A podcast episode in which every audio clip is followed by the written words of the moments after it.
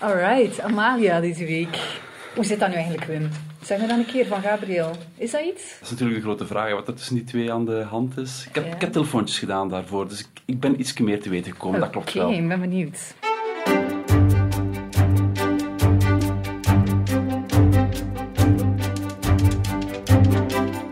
Ze wordt wakker met Anton aus Tirol. Ze roept alles fuck it.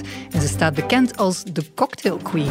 Maar later wordt ze ook echt koningin. We hebben het over Catharina Amalia Beatrix Carmen Victoria.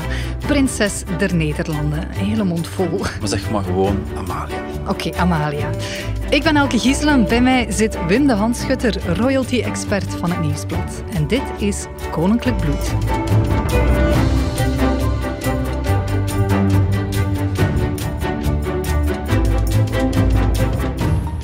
Dag Wim. Dag Elke. In onze eerste aflevering hebben we het gehad over prinses Elisabeth, de dochter en troonopvolgster van koning Filip. Het enige meisje, zei je toen, van ons land dat niet kan beslissen wat ze later wordt. In Nederland zit er zo nog eentje, hè? Amalia. Ja, Amalia. Dat is de oudste dochter van eh, koning Willem-Alexander en koningin Maxima. Ze is onlangs 18 jaar geworden. Ze heeft nog twee jongere zussen, Alexia en Ariane. En haar grootmoeder is de vorige Nederlandse koningin Beatrix. Mm Elisabeth en Amalia kennen die elkaar? Want ja, dat zijn de enige twee meisjes, uh, ja, ongeveer even oud, uh, denk ik. Verschillen een er paar jaar. Er zit twee jaar verschil op. Twee jaar tussen. Ik zou al snel, denk ik, moest ik Elisabeth zijn, een keer mijn gsm pakken en, en een WhatsAppje sturen naar Amalia om zo... Ja, die zitten in zo'n zotte situatie waar niemand anders in zit. Ja, de gelijkenissen zijn groot. We hebben heel weinig koninklijke families in Europa, in de wereld. Dus logischerwijs hangen die families wel een Ja, beetje ja, aan elkaar. Die kennen elkaar heel goed. En zouden die sms'en met elkaar? Ik betwijfel het eerlijk gezegd. Ja? Dat is net zoals bij Filip en Willem-Alexander en bij Maxima en Mathilde. We hebben er echt een heel romantisch beeld van dat die de deur bij elkaar platlopen, dat die constant contact met elkaar hebben via mail, telefoon en eh, WhatsApp bijvoorbeeld. Ja. Maar we moeten dat echt niet romantiseren. eh. Maar het is wel zo. eh, ik weet bijvoorbeeld dat als eh, Filip en Mathilde samen met Elisabeth en de andere kinderen in Nederland op vakantie gingen, die hebben bijvoorbeeld wel eens een kasteel van Willem-Alexander en Maxima mogen gebruiken als logeerplaats. En ook zo adresjes van eh, restaurants en, en leuke plekken wisselen ze met elkaar uit. Dus ze Ja, helpen ja. elkaar wel, ze hebben contact, maar laat ons vooral niet overdrijven dat het... eh, Het zijn vooral goede Airbnb-hosts dan eigenlijk. Ah, wel als een goede vergelijking, ja, maar dan wel een heel chique Airbnb. ja, ja, ja, ja.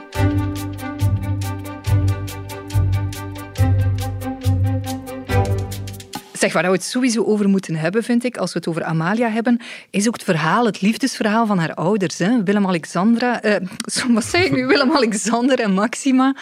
Ja, een beetje het verhaal van een, een onmogelijke liefde. Ja, Elke, dat werd een onmogelijke liefde genoemd, omdat Maxima de dochter was van Jorge Sorrieta.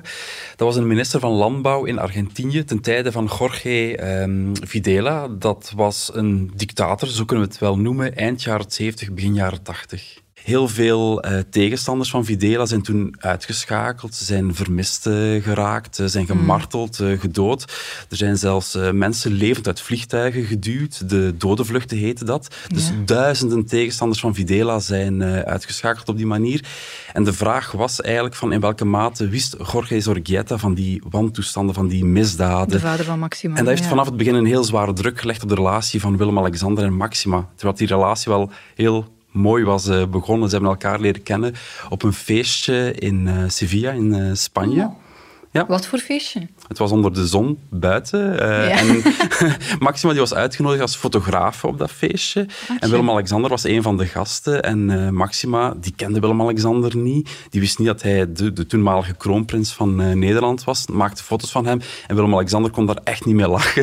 Die was eigenlijk een beetje Oei. kwaad. Vloog uit tegen Maxima van, ja, wat, wat, wat doe jij hier? Ja, dus de ja, eerste kennismaking was niet echt goed. En sowieso, Maxima vond dat Willem-Alexander een hele slechte danser was. Dus hij maakte geen goede eerste indruk. Ja, vaak is dat zo wel het recept hè, voor, eh, voor een goed liefdesverhaal. Eerst een beetje een hekel hebben aan elkaar en dan baf, passie. Ook hier, want zelfs de eerste avond was het eigenlijk al, eh, na die eerste slechte kennismaking, was het meteen... Was het al eh, prijs? ja, En dan ja, weten we allemaal, Nederland stond toch een beetje in rep en roer toen ze dan te weten kwamen met wie Willem-Alexander op schok was. dus inderdaad met die dochter van Jorge Zorrigueta. En bij die verloving heeft Maxima afstand gedaan van het Videla-regime, maar ze heeft niet veroordeeld wat haar vader heeft gedaan. Over mijn vaders deelname aan die toenmalige regering wil ik in alle eerlijkheid zeggen dat ik spijt heb dat hij zijn best gedaan heeft voor de landbouw in een verkeerd regime. Hij had de beste intenties en ik geloof in hem. We weten allemaal hoe fout dat regime was. Als Argentijnse heb ik daar veel spijt van. Ja, en nog een redelijk zwaar accent eigenlijk, als je dat nu zo terug hoort. Ja, misschien wel, maar ik weet wel dat heel veel mensen onder de indruk waren van de kennis van het Nederlands van Maxima. Het is een Spaanstalige. Ja. Hoe snel inderdaad dat ze het Nederlands door de knie kreeg. Haar vader is dan niet naar de trouw gekomen? Nee, die heeft toch het vriendelijke verzoek van de Nederlandse regering gekregen om niet aanwezig te zijn op de trouw. En daardoor is, eigenlijk, daardoor is eigenlijk ook een beetje de commotie gaan liggen. En Willem-Alexander heeft tijdens de bekendmaking van die verloving gezegd dat hij toch wel het diepste respect voor zijn schoonvader had, omdat hij de beslissing had genomen om niet naar de trouw te komen. Voor de beslissing van Maxima's vader niet aanwezig te zijn, heb ik het grootste respect. Dit offer is gebracht in het belang van de toekomst van zijn dochter in Nederland ten koste van zijn grote liefde voor en sterke band met haar. En op 2 februari 2002, de grote dag, Willem-Alexander en Maxima die trouwen. En elke trouw heeft zo toch een moment waar iedereen uh, over praat achteraf. Ja, ja, Bij Philippe en Mathilde was dat de balkonscène, de kus die er niet helemaal uitkwam. Oh, terug, ja. ja. Laurent en Claire, dat was de aanwezigheid van Père Gilbert, die Franse mm rockpriester. Mhm. En bij Willem-Alexander en Maxima was dat de Argentijnse tango. Je moet je voorstellen, ze hebben elkaar net het ja-woord uh, gegeven en dan wordt die Argentijnse tango uh, oh, gespeeld. Was dat dan passioneel dansen? Of... nee, nee, ik hoef er niet te veel bij voorstellen. Nee, Er werd een traantje weggepinkt, maar dat was ook wel een heel mooi moment.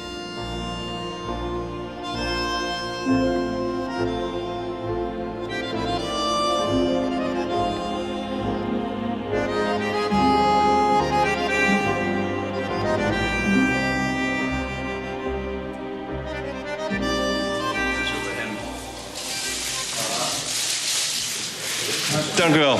Ja, u begrijpt dat, uh, hoewel er uh, heel vaak kinderen geboren worden op deze wereld... dat Maxima en ik als trotse ouders natuurlijk... dit allermooiste baby vinden van de hele wereld. En uh, we zijn ook erg gelukkig en dankbaar dat de geboorte vandaag zo vlot en goed verlopen is...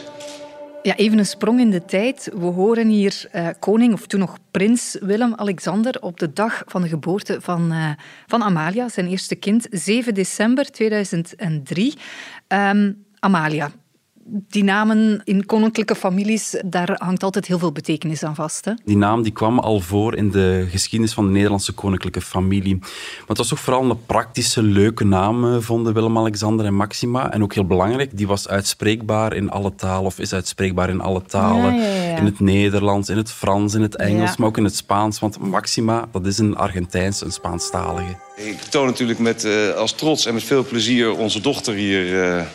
Uh, vandaag.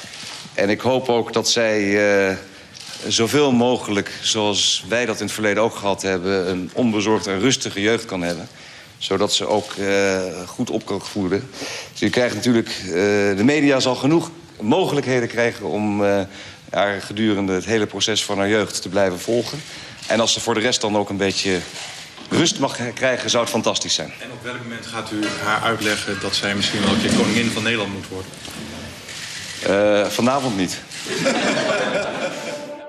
Ja, een beetje dezelfde vraag als bij Elisabeth. Uh, zijn Willem-Alexander en Maxima daarin geslaagd om haar een, een, een ja, zo normaal mogelijke jeugd, whatever that may be, uh, te geven. Wat wij toen in de eerste aflevering over Elisabeth hebben gezegd, eigenlijk kunnen we hetzelfde ook over Amalia zeggen. De vraag is natuurlijk, wat is normaal in de opvoeding van een kind dat in een koninklijke familie wordt uh, geboren? Ook Amalia is groot geworden op een kasteel. Eigenlijk een villa, maar toch alleszins met een heel groot uh, domein daar rond. Ook zij wordt dag en nacht bewaakt door bodyguards. Mm Zij wordt ook aangesproken op, op veel plekken, niet als Amalia, maar als haar koninklijke hoogheid, de prinses van Oranje. Dus in welke mate is dat normaal? Ja, niet, hè, denk ik. Nee, helemaal niet. Nee. Ja, ja. En uh, op welke manier hebben ze dan hebben ze daar ook meteen ingezet in officiële gelegenheden of, of activiteiten? Of nee, er is een heel duidelijk verschil met Filip en Mathilde. Hè. Dus, uh, wat wij vorige keer hebben gezegd, Filip en Mathilde hebben Elisabeth al in haar kindertijd al verschillende keren ingezet voor, uh, om speeches te geven, om lintjes door te knippen, uh, marineschepen in te wijden. Willem-Alexander en Maxima hebben gezegd van nee, we gaan Amalia uit de belangstelling houden tot haar 18e verjaardag. Zolang ze ja. minderjarig is, moet ze nog een kind kunnen blijven en we gaan haar niet opzadelen met allemaal die publieke activiteiten. Ja, ja, ja. Verschilt ze daardoor van Elisabeth, heb jij de indruk? Het is een andere keuze. Het is een andere keuze die gemaakt is door eh, Willem-Alexander en uh, Maxima. En ik denk dat Philippe en Mathilde daarin een betere keuze hebben gemaakt hm. om haar toch wel een beetje te laten, laten wennen proeven. aan die toekomstige rol die ze ooit gaat moeten spelen. Dan.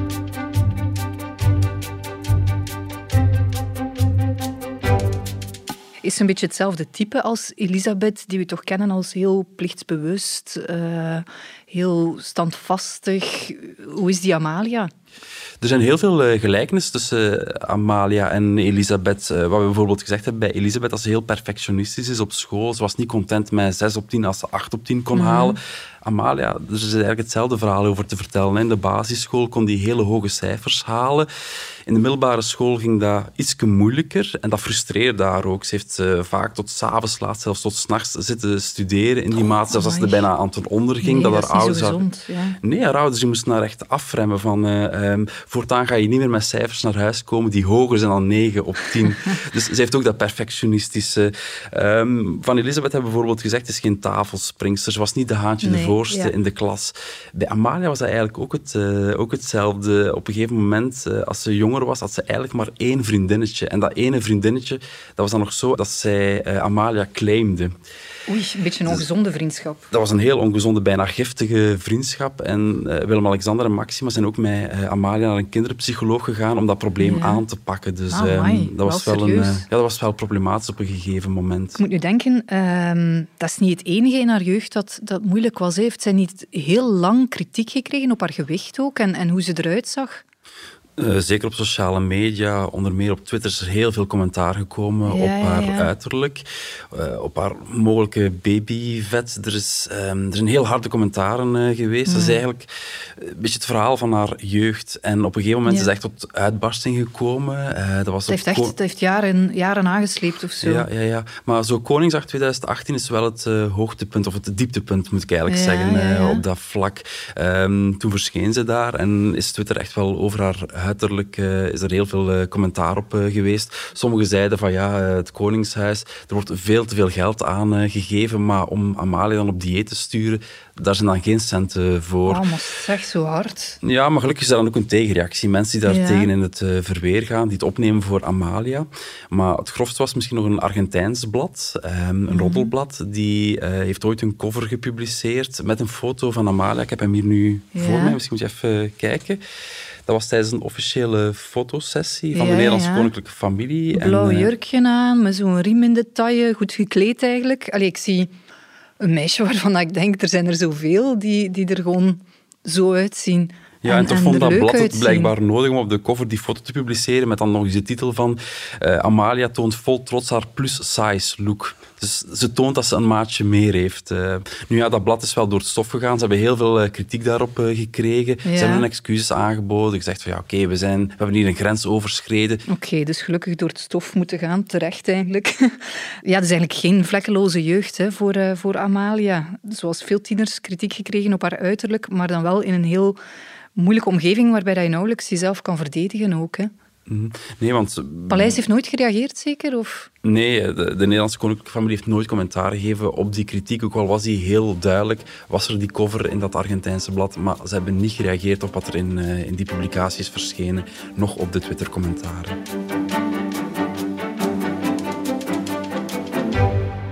Ik vind het eerlijk gezegd, ik vind het nog steeds enorm gek om het zo te zien. Ik ben er nog steeds niet helemaal zo van, oh, dit is iets wat echt daadwerkelijk uit gaat komen en dat mensen gaan lezen. En uh, ja, er staat toch wel heel wat persoonlijke dingen in van mij. Uh, Hoe voelt dat? Ja, het is best spannend. Ik denk gewoon dat het hele boek schildert gewoon een heel mooi portret van wie ik ben. We horen hier prinses Amalia over uh, het boek dat uitgekomen is over haar leven tot nu toe. Um, voor haar 18e verjaardag. Dat is een, uh, een vaste traditie in Nederland blijkbaar, Wim? Ja, uh, Beatrix heeft ook voor haar 18e verjaardag een boek gekregen, waarvoor ze geïnterviewd werd. Willem-Alexander hetzelfde. Uh, Wat wij gezien hebben bij onze Elisabeth, die kreeg een ceremonie op het Koninklijk Paleis in Brussel. In Nederland uh, moeten ze het met een boek doen. Inderdaad. Ja. Maar we komen daardoor wel heel veel te weten over haar. Ja, is dat dan een soort grote promo-show?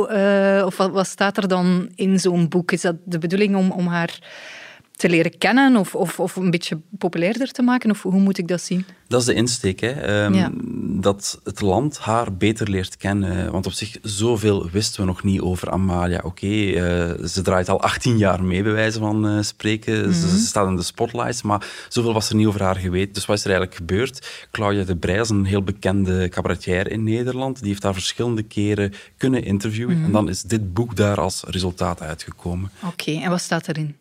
Um, er staan heel veel leuke weetjes in, vind ik zelf. Um, ja. Bijvoorbeeld, dit is haar wekker.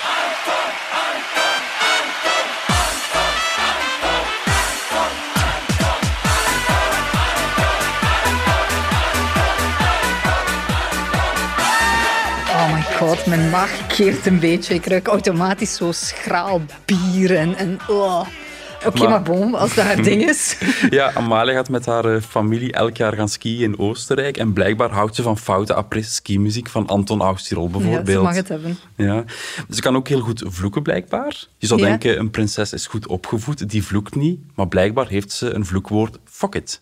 Ah ja, oké. Okay. Zoals uh, een gewone tiener eigenlijk. Ja, ja. dus nou, fuck it is iets wat uh, standaard in haar taalgebruik zit. Daarnaast, ze kan ook goed zingen, maar dat houdt ze eigenlijk liefst privé. Niemand mag dat horen. Al hebben ooit eens in een documentaire Amalia een Sinterklaasliedje horen zingen. Patje is nog lang niet moe, maar moet naar bedje toe. Maar het is nog lang niet moe, maar moet naar bedje toe. Goed zo. Ik wou dat ik zo'n mooie stem had als jij. en ze heeft ook al in een strandbar gewerkt in uh, Scheveningen. Dat is een heel bekende um, badplaats in Nederland. Mm -hmm. En daar kon ze heel goed cocktails shaken. En ze werd daar ook de cocktail queen genoemd. Cocktail queen. Was dat niet jouw bijnaam ook, Wim? uh, nee, ik drink graag cocktails, maar kan ze niet maken. Ah ja, ik ook, ik ook. Ja, en super waardevol in dat boek ook uh, vertelt ze over hoe ze naar de psycholoog gaat. En dat dat eigenlijk iets heel normaals zou moeten zijn. Dat deed ze al vanaf dat ze jong was. Het verhaal dat we verteld hebben over die, die rare vriendschap, dat ene vriendinnetje. Ja. Maar dat is nu eens versterkt door de dood van haar tante, tante Ines. Dat is de jongere zus van, um, van haar mama, Maxima. Ja. Die is in 2017 uit het leven gestapt. En die zelfdoding heeft een heel diepe indruk gemaakt in het gezin van Maxima. Mijn kleine, lieve, begaafde zusje Ines was ook ziek. Ze kon geen vreugde vinden en ze kon niet genezen. Onze enige troost is dat ze nu eindelijk vrede heeft kunnen vinden. Haar tante is nog heel nadrukkelijk aanwezig in het leven van Amalia. Ze heeft bijvoorbeeld een foto van tante Ines op haar slaapkamer staan. In het boek heeft ze ook het verhaal verteld dat ze in 2019 op vakantie is gegaan naar, uh, naar Zuid-Afrika met vriendinnen. En mm -hmm. ze waren daar een beetje afgesloten van de buitenwereld. Ze mochten ook geen smartphone meenemen, uh, bijvoorbeeld. En daar uh, heeft ze 40 uur afgezonderd op een berg gezeten. Oh, en op dat moment heeft ze een brief geschreven naar haar tante met alles wat ze nog wilde, wilde vertellen aan haar. Ze is daar wel open dan over. Over, over, over emoties en, en hoe ze ermee mee omgaat. Eigenlijk is dat een beetje... Ja, ik heb nog het idee, royals, dat die vroeger meer stiff upper lip waren en, en helemaal niet over dat soort zaken praten. En nu is dat veel normaler om zich ook van de menselijke kant te tonen en over psychologische problemen te praten en zo. Dat is toch dat is echt een verandering, hè? Ja, gelukkig zien we nu een grote openheid bij de royals om daarover te praten, inderdaad. Willem-Alexander heeft dat in de jaren tachtig ook gezegd. Van, ja, zijn, uh, zijn moeder, koningin Beatrix, was te druk met koningin te zijn. Zijn vader mm. die was depressief. En hij had het, dan, ja, hij had het daar ook uh, moeilijk mee. We hebben dat ook gezien bij Harry, bij Harry en uh, William na de dood van Diana. Diana ja hebben ze het daar ook over gehad. Uh, Meghan Markle in haar interview met Oprah Winfrey over haar zelfmoordneigingen gepraat. Mhm. Eh, koningin Mathilde bij ons, die heeft een zuster verloren en een oma in een verkeersongeval. Ook openlijk over geweest van hoe zwaar dat uiteindelijk is. Dus je Mhm. ziet, er is een veel grotere openheid. Ja, ja, Wat. Amalia ook zegt, van ja, voor mij is dat belangrijk om naar een psycholoog te gaan, want we vinden het allemaal belangrijk om op ons eten te letten, om te sporten, maar ook onze mentale gezondheid is belangrijk. En het is ook belangrijk om daarover te praten.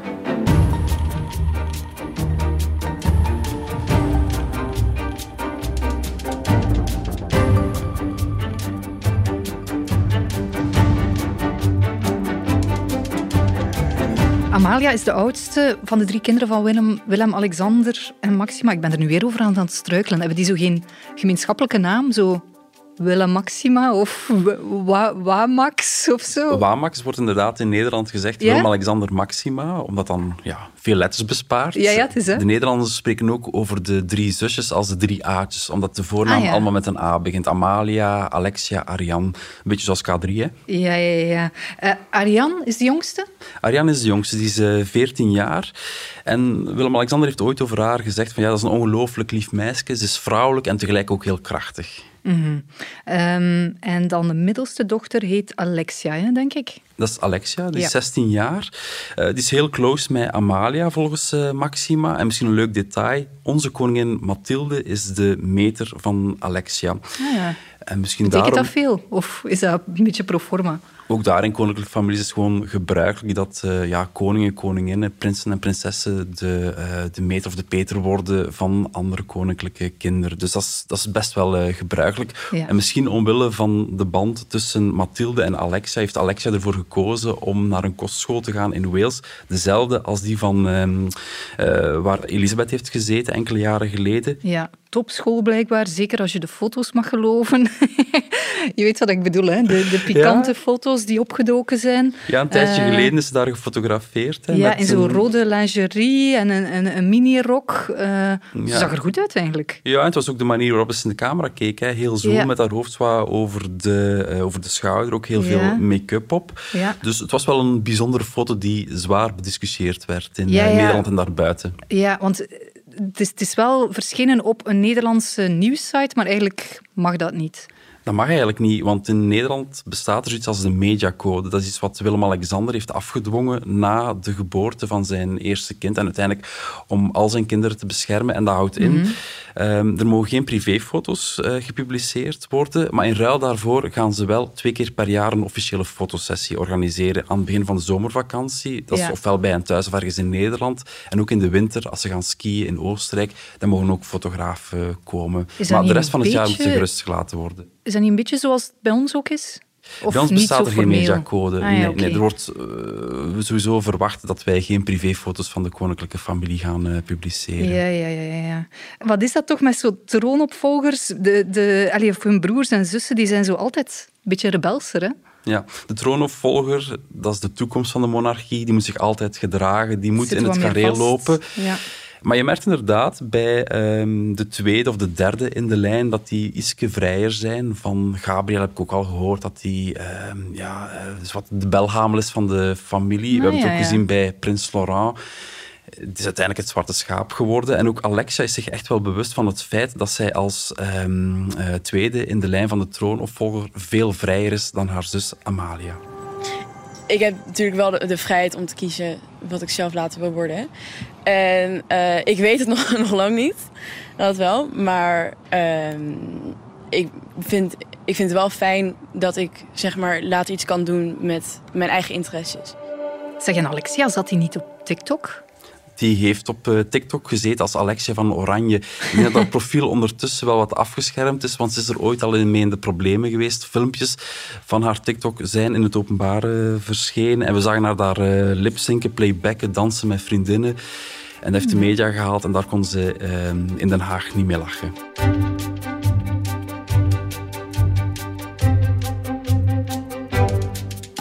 Oké, Wim, we zijn aanbeland bij het stuk in de podcast waar ik het meest belang aan hecht. Amalia en onze prins Gabriel, tweede kind van eh Mathilde en Philippe. Zijn die een item of niet? Klopt dat nu? Wat kan je ons vertellen? Die zijn een item geworden, omdat er op korte tijd heel veel over verschenen is. Ik onthoud, die zijn een item. ja, ja, ja. Het is misschien eerst belangrijk om te weten waar die roddel vandaan komt. Dat is in een Argentijnse blad. Gaan we nu nog doen zweten en wachten op het antwoord. Maar ja, doe maar, doe maar. Maar het is een dubieuze website die die roddel eh, gepubliceerd heeft in Argentinië. Dan is hij naar Duitsland eh, gegaan. En in Ja. Duitsland weten we, eh, bladen die over royalties schrijven, die zijn vaak ongeloofwaardig. Bijvoorbeeld Maxima is daar al eh, het 50 keer zwanger geweest, is ook al 60 keer gescheiden van Willem-Alexander. Ja, ja, Dus dat soort bladen. En zo is die roddel uiteindelijk in België beland. En Mhm. toen ben ik ook beginnen bellen naar verschillende bronnen die toch wel dicht bij de koninklijke familie staan om een en ander af te toetsen. En Met ook de belangrijkste toen vraag. bevestiging. En er werd vooral gelachen.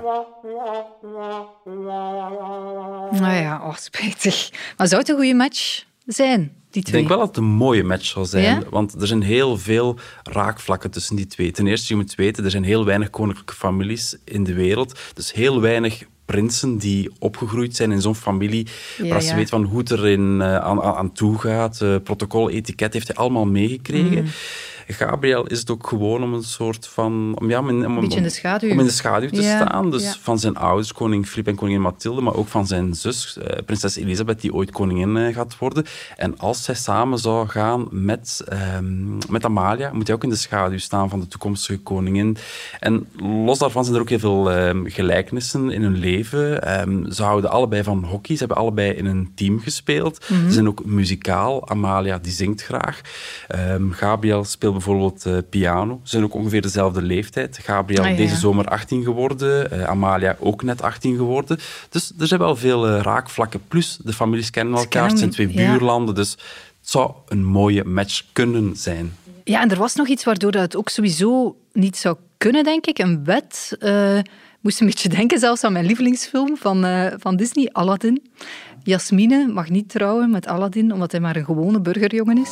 Dat is die wet. Volgens de wet moet je Moet trouwen trouwen met met een een prins. En de tijd dringt nu. Die wet is fout. Het is nu niet... eh, Gabriel is geen gewone burgerjongen, maar er is toch iets tussen onze koningshuizen. Hè? Een, een wet waardoor ze niet met elkaar mogen trouwen. Ja, een wet uit 1830 die zegt dat een lid van de familie Oranje-Nassau geen enkele macht mag uitoefenen in België. Ah, ja. Dat was na de eh, Belgische revolutie en het feit dat wij ons onafhankelijk maakten van Ja, ja, ja. eh, Nederland. Maar die wet is eigenlijk voor interpretatie vatbaar. Want wat betekent eigenlijk geen macht uitoefenen? Ja, geen politieke Mhm. macht, eh, niks in de ambtenarij. Maar er staat niet letterlijk in, ze mogen niet trouwen. Dus Ja, ja, ja. Volgens mij, die wet die kan een huwelijk tussen Amalia en Gabriel niet in de weg staan. En die bestaat wel nog, die wet. Die bestaat nog altijd. Er, is al verschillende, er zijn al verschillende pogingen gedaan om die afgeschaft eh, te krijgen. Verschillende politici hebben zo al een eh, wetsvoorstel ingediend. Maar er zijn andere prioriteiten in ons land dan die ene wet uit 1830.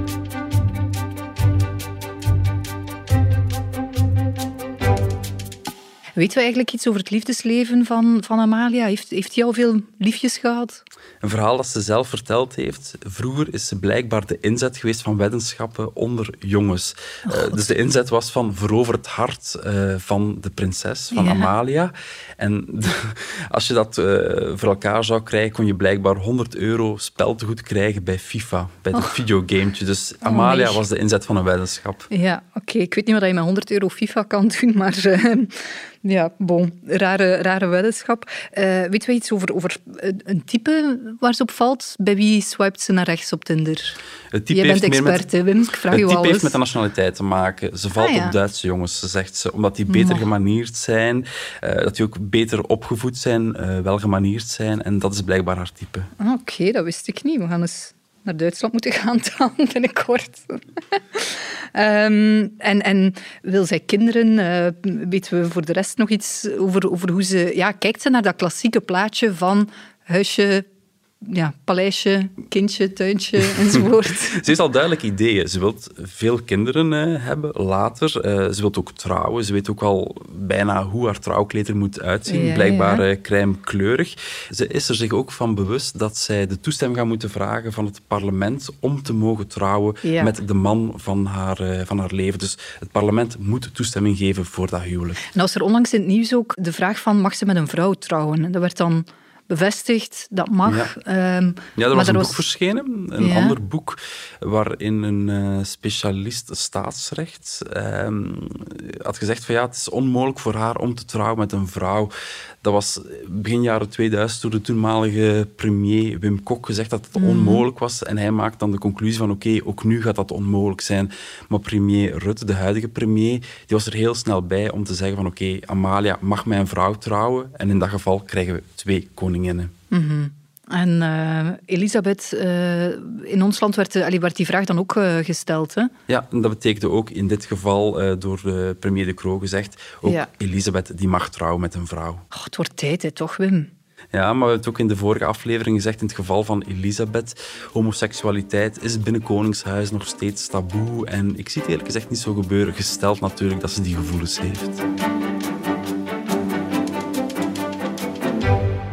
Amalia is net 18 geworden op eh, 7 december. Wat doet zij nu in het leven?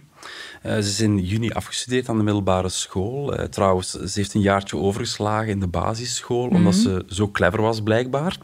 Nu, ehm, we hebben gezien bij Elisabeth, die is eigenlijk naar middelbare school onmiddellijk naar het leren gegaan. Nu zit ze in Oxford, maar Amalia die heeft een sabbatjaar ingelast.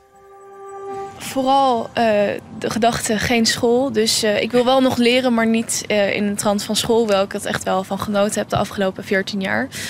Ehm, ja, ehm, een beetje reizen, de wereld ontdekken, dingen doen die ik misschien over 20 jaar niet meer kan doen.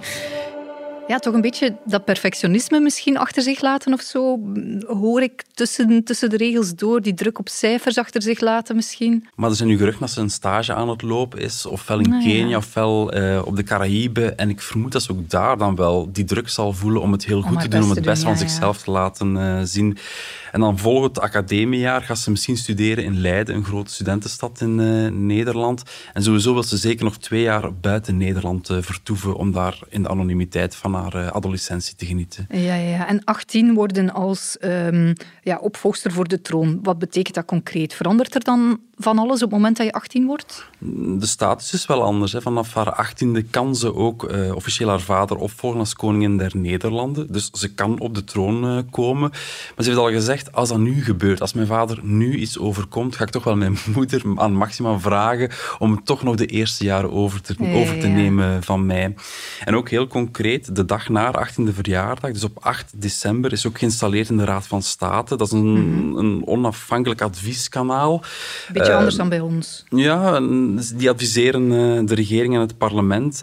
En bij die installatie in de Raad van State heeft ze ook haar allereerste speech gegeven. Sinds gisteren heb ik, zoals onze grondwet dat plechtig formuleert, van rechtswege zitting in de Raad van State.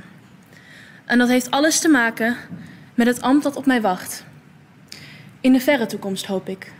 Al is er ook altijd het besef dat het morgen kan zijn. Ja, en op haar 18e dan normaal gezien dotatie, maar die heeft zij geweigerd, hè, vertelde je mij vorige keer. Ja, en daarin zie je de voorbeeldfunctie van Elisabeth voor haar hele generatie. Ja. Elisabeth, of beter gezegd haar ouders, Filip en Mathilde, hebben de keuze gemaakt. Zolang dat Elisabeth studeert, heeft ze geen behoefte aan een staatstoelage. Hetzelfde gebeurt bij Amalia. Die heeft daar zelfs een brief over gestuurd naar eh, premier Rutte om te zeggen ik wil het geld eh, voorlopig niet. Want ik zou me er ook ongemakkelijk bij voelen als ik nog niet werk en toch al geld zou krijgen. Ja, ja, het is misschien een manier ook om een beetje vrijheid nog te hebben in, in uw doen en laten als, als troonopvolgster. Ja, en het voorkomt ook heel veel discussies. Hè. Zoals ik zeg, van als zij nog studeert, waarom heeft ze dan bijvoorbeeld 1.600.000 euro nodig Ja. per jaar om te studeren en niet te werken ondertussen? Ja, dus eh, ze neemt een voorschot vragen. op de kritiek. Ja, ja, ja. ja. Ehm, heeft zij zin eigenlijk om koningin te worden? Wil zij dat? Hoe, hoe kijkt ze daar tegenaan? Ze zegt, ik heb mij verzoend met mijn toekomstige functie, maar ik heb ze nog niet volledig omarmd. En nu op haar achttiende leeftijd zegt ze letterlijk, ik ga mijn leven geven aan Nederland. Vind ik wel straf eigenlijk. Allee, zo'n beetje tragisch toch ook, dat een kind van 18 daarmee moet bezig zijn of dat soort dingen moet zeggen. Zoals we al bij Elisabeth gezegd hebben. Ja. Ehm, Amalia is ook in Nederland het enige meisje wiens toekomst al helemaal vast ligt, vanaf de wieg tot, bij wijze van spreken, tot aan haar eh, dood. En wat zij zegt van, mijn vriendinnen die kunnen, of die kijken hooguit vijf jaar vooruit. Maar Mhm. ik kan dat niet. Ik moet omwille van dit, en ze zat toen in het paleis en ze wees Mhm. naar de muur van het paleis, omwille van dit kan ik dat niet doen. Dus ehm, ja, mijn leven is hier gestart en zal hier ook eindigen. Ja. Amalia en Elisabeth, twee meisjes uit twee buurlanden met uh, dezelfde lotsbestemmingen. Uh, ze zijn ook niet alleen, want er zijn een, nog, nog enkele meisjes en jongens, eigenlijk tieners, jonge twintigers, die in dezelfde situatie zitten. Over wie gaan we het volgende keer hebben? Over prinses Ingrid Alexandra van Noorwegen. Dat is de dochter van kroonprins Håkon en kroonprinses Mette-Marit. Mette-Marit? Oh, je zegt dat zo goed. ik heb al geoefend op de naam, uh, want dat ga je ook moeten doen uh, ja, voor volgende oh, week. Nee. Want uh, vaak een heel speciale uitspraakwijze. -huh. Eigenlijk een heel gewoon meisje, maar die ja. wel geconfronteerd wordt met een moeilijke situatie in haar leven. Haar moeder is ongeneeslijk ziek en daardoor zou het wel eens kunnen dat zij al vroeger dan Amalia en Elisabeth voor de spotlights eh, gaat komen. Ze heeft ook een halfbroer, Marius, de uh, zoon van haar moeder uit een vorige relatie. Een beetje een bad boy. Mm-hmm. Dus het hele verhaal in Noorwegen is toch een koninklijk sprookje met scherpe randjes. Oké, okay, kijk er dan naar uit. Ik ook. Bedankt, Wim. Dit was Koninklijk Bloed, een podcast van het Nieuwsblad. De stemmen waren Wim de Hanschutter en ikzelf, Elke Gieselen. De montage gebeurde door House of Media. De productie was in goede handen bij Bert Heijvaart.